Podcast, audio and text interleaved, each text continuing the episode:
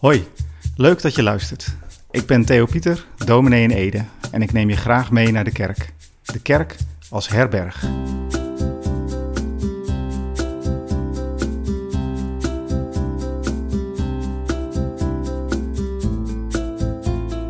Een paar jaar geleden werd dit beeld van de kerk als herberg flink op de kaart gezet door Jan Hendricks, een bekende theoloog van de Vrije Universiteit uit Amsterdam.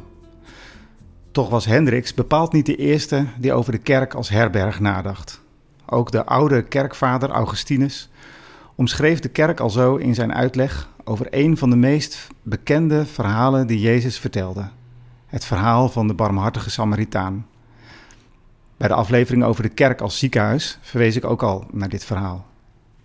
Het gaat over een eenzame reiziger die vanuit Jeruzalem als hooggelegen bergstad afdaalt naar de vlakte van Jericho. Het is een gevaarlijke weg van 27 kilometer tussen de rotsen door. Een ideale weg voor struikrovers.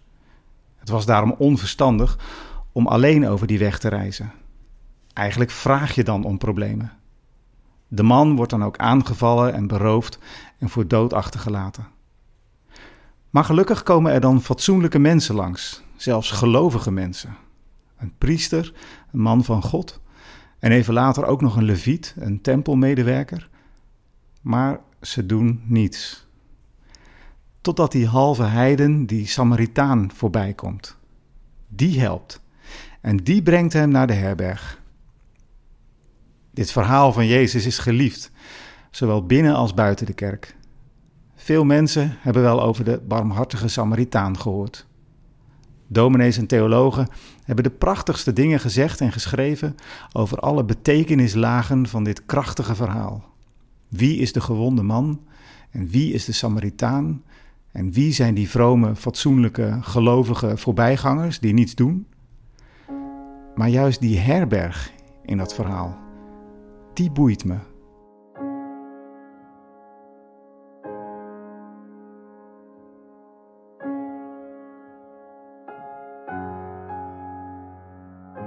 De nieuwe Bijbelvertaling uit 2004 heeft het heel modern vertaald met een logement. Het Griekse woord dat Jezus gebruikt is pandogeion. Dat woord is opgebouwd uit de woorden alles of iedereen en ontvangen. Een pandogeion is dus een huis waar iedereen wordt ontvangen. Iedereen is welkom in dat logement.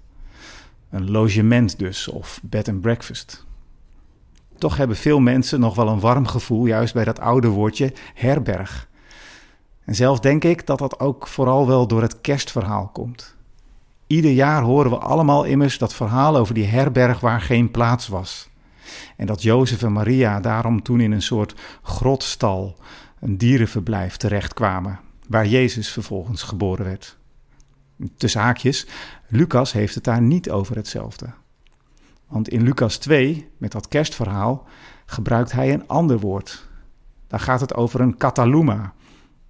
En dat betekent zoiets als de plaats waar de zadels van de dieren afgedaan worden.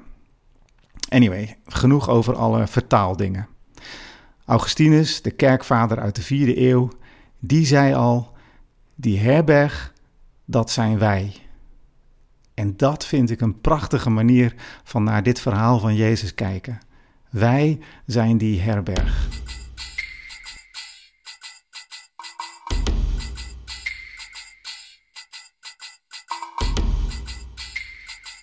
Is de kerk voor jou een herberg? Jan Hendricks schrijft dus in zijn boek dat de kerk van de toekomst vooral een herberg zal moeten zijn. Want in een herberg is het een komen en gaan van mensen. Zo is de kerk. En ik zie dat dan ook voor me. Dat je er de stamgasten hebt die er altijd zijn. En je hebt er de voorbijgangers die alleen maar even binnenkomen om wat te drinken. Of mensen die er wat langer blijven om uit te rusten en op adem komen. Die herberg is dan ook niet verstopt ergens achteraf, maar die staat pal langs de weg. Daar, bij die reizigers, bij die mensen die onderweg zijn. Daar is zo'n herberg welkom, of misschien zelfs hard nodig. En die herberg is uiteraard ook goed herkenbaar. Die heeft de deuren wijd open. Gastvrijheid is niet alleen een belangrijk begrip, maar het sleutelwoord in een herberg. En dat mag wat kosten. Al het personeel is daar goed van doordrongen. Commercieel denken is niet vies, maar onderdeel van haar missie. De kerk als herberg heeft dan ook aandacht voor hoe zij aan voorbijgangers duidelijk kan maken dat de herberg er juist ook voor hen is. De kerk als herberg is er niet op uit om mensen binnen te houden, maar is ook blij met mensen die ze eenmalig of een poosje ontmoet. Ze is blij dat ze hen van het nodige kan voorzien, zodat ze versterkt hun reis weer kunnen voortzetten. In de herberg wordt daarom niet gemopperd op mensen die maar één keer komen en die je nooit weer ziet. Nee, elke gast is welkom en wordt als Christus zelf behandeld.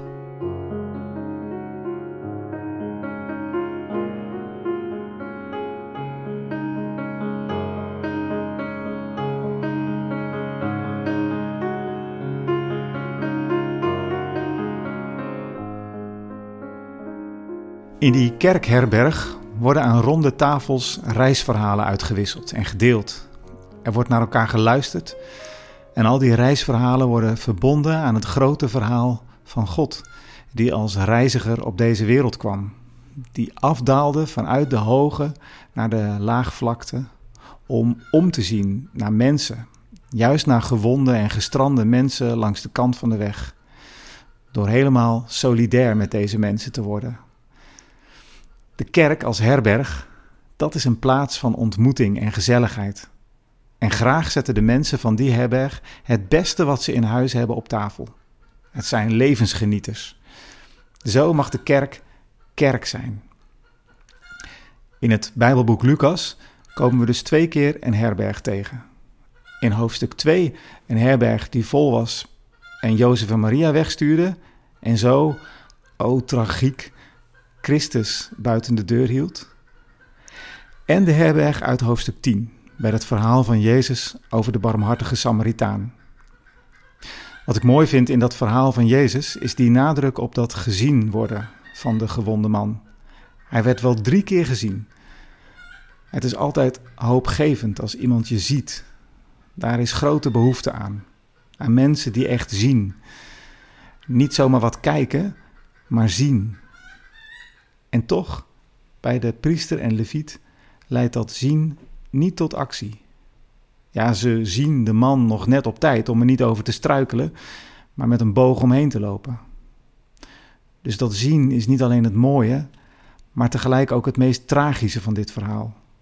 Want even is er hoop voor die zwaargewonde man. Ik ben gezien. Maar dan dooft de hoop gelijk weer uit. Want zowel de priester als de leviet lopen door.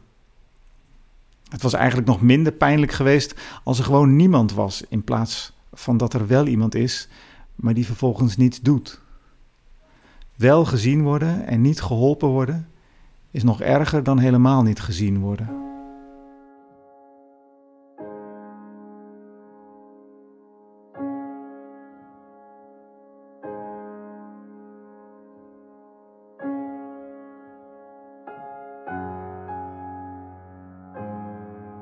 En dan komt de Samaritaan. Joden en Samaritanen waren elkaars halfbroers, maar bepaald niet elkaars vrienden. Nog steeds niet eigenlijk. Samaritanen werden als halve heidenen beschouwd, waar je het niet van hoefde te verwachten. Maar uitgerekend die Samaritaan bleek te helpen.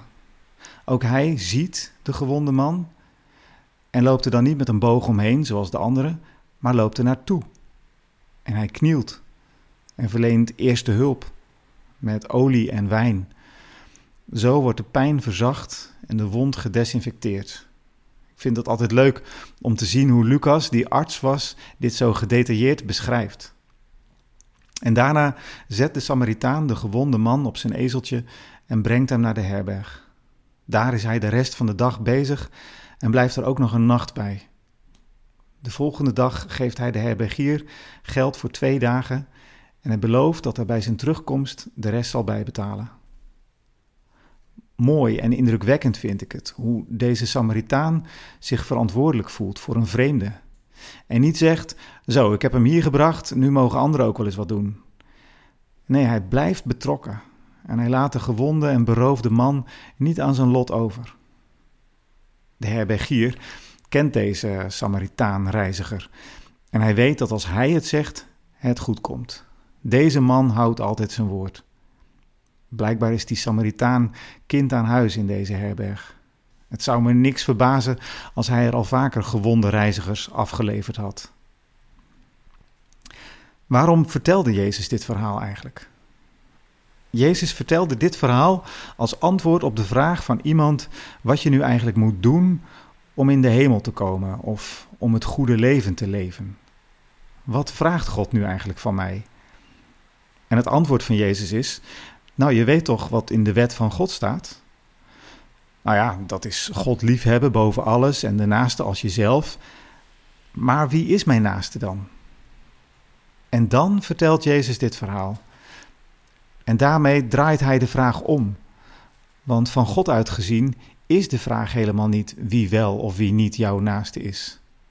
Nee, de vraag is of jij zelf je als een naaste gedraagt. Met andere woorden, of je een gastvrij hart hebt. Of je oog hebt voor mensen. Of dat je vluchtig kijkt en er vervolgens met een boog omheen loopt. De kerk van Jezus Christus wordt door Hemzelf opgeroepen om een herberg te zijn, een pandogeian, allen ontvangend. En dat maakt van ons allemaal dus herbergmensen. Herbergmensen die hebben als prettige eigenschap dat ze oog hebben voor gasten. Herbergmensen zien de ander en ze lopen er niet met een boog omheen. Herbergmensen vragen zich niet af wie is mijn naaste, voor wie draag ik wel en voor wie draag ik geen verantwoordelijkheid? Nee, want dat zijn de vragen waarin we de grenzen van onze verantwoordelijkheid opzoeken. Typisch vragen van mensen die zich er onderuit proberen te wurmen. Mensen die juridisch, wettisch en berekenend omgaan met Gods goede geboden. Nee, herbergmensen vragen zich niet af wie is mijn naaste, maar ben ik zelf eigenlijk wel een goede naaste? Volg ik Jezus na, de grote, barmhartige Samaritaan? Herbergmensen snappen dat Jezus allereerst naar je hart vraagt. Daar zit de liefde toch? Of niet? En herbergmensen snappen dat naast een liefde geen grenzen kent. Niet bij volken, rassen, talen, huidskleuren, prikkeldraadhekken, gender of geaardheid.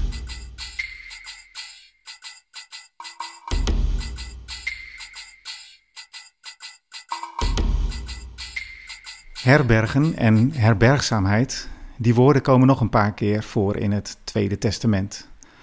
Onder andere in Hebreeën 13. Vergeet de herbergzaamheid niet, want daardoor hebben sommigen, zonder het te weten, engelen geherbergd.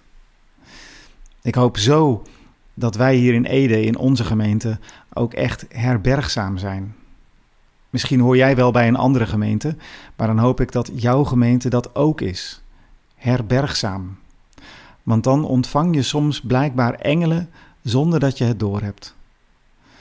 Gelukkig gebeurt het regelmatig dat ik iemand spreek die als gast bij ons een dienst heeft bijgewoond. En altijd vraag ik dan: En ben je ook aangesproken? Niet alleen door wat je hoorde of meemaakte, maar ook doordat iemand anders in de kerk iets tegen je zei, zodat je je welkom voelde. Meestal is dat dan ook zo. Maar niet altijd. Aan dat zien van de ander kunnen we dus nog wel wat werken met z'n allen. Jezus als de Samaritaan die gewonde mensen opraapt en ze in de herberg brengt. Dat beeld geeft mij te denken. En het ontroert me dat Jezus, net als die Samaritaan bij zijn vertrek, zei: Ik kom weer terug.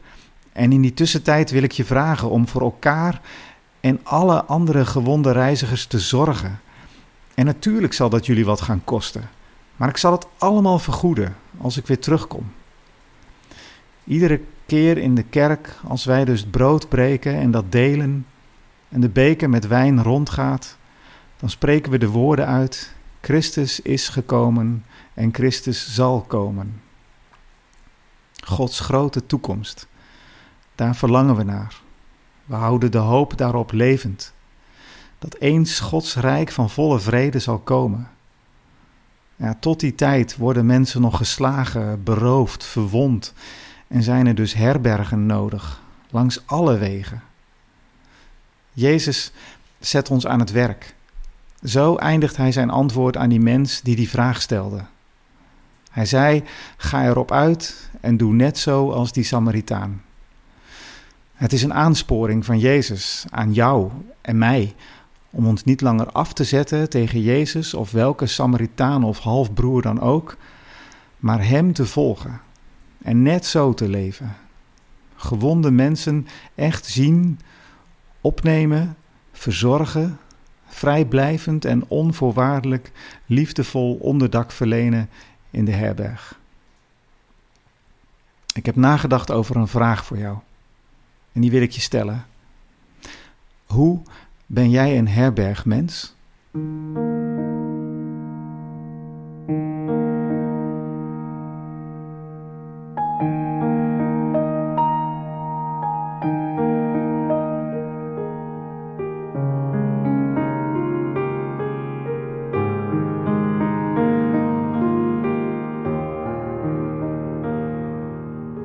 Voor het luisteren. Volgende week is de laatste aflevering. Dan denk ik graag met je na over de meest geliefde en ik denk ook meest bekende metafoor van de kerk uit de Bijbel, namelijk de kerk als een lichaam. Je reacties op deze podcast zijn nog steeds van harte welkom. Mail ze naar dominee.beatrixkerk.nl en als je je nog niet hebt aangemeld voor deze podcast om ook de laatste aflevering niet te missen, doe dat dan vooral alsnog via Spotify of Apple Podcast.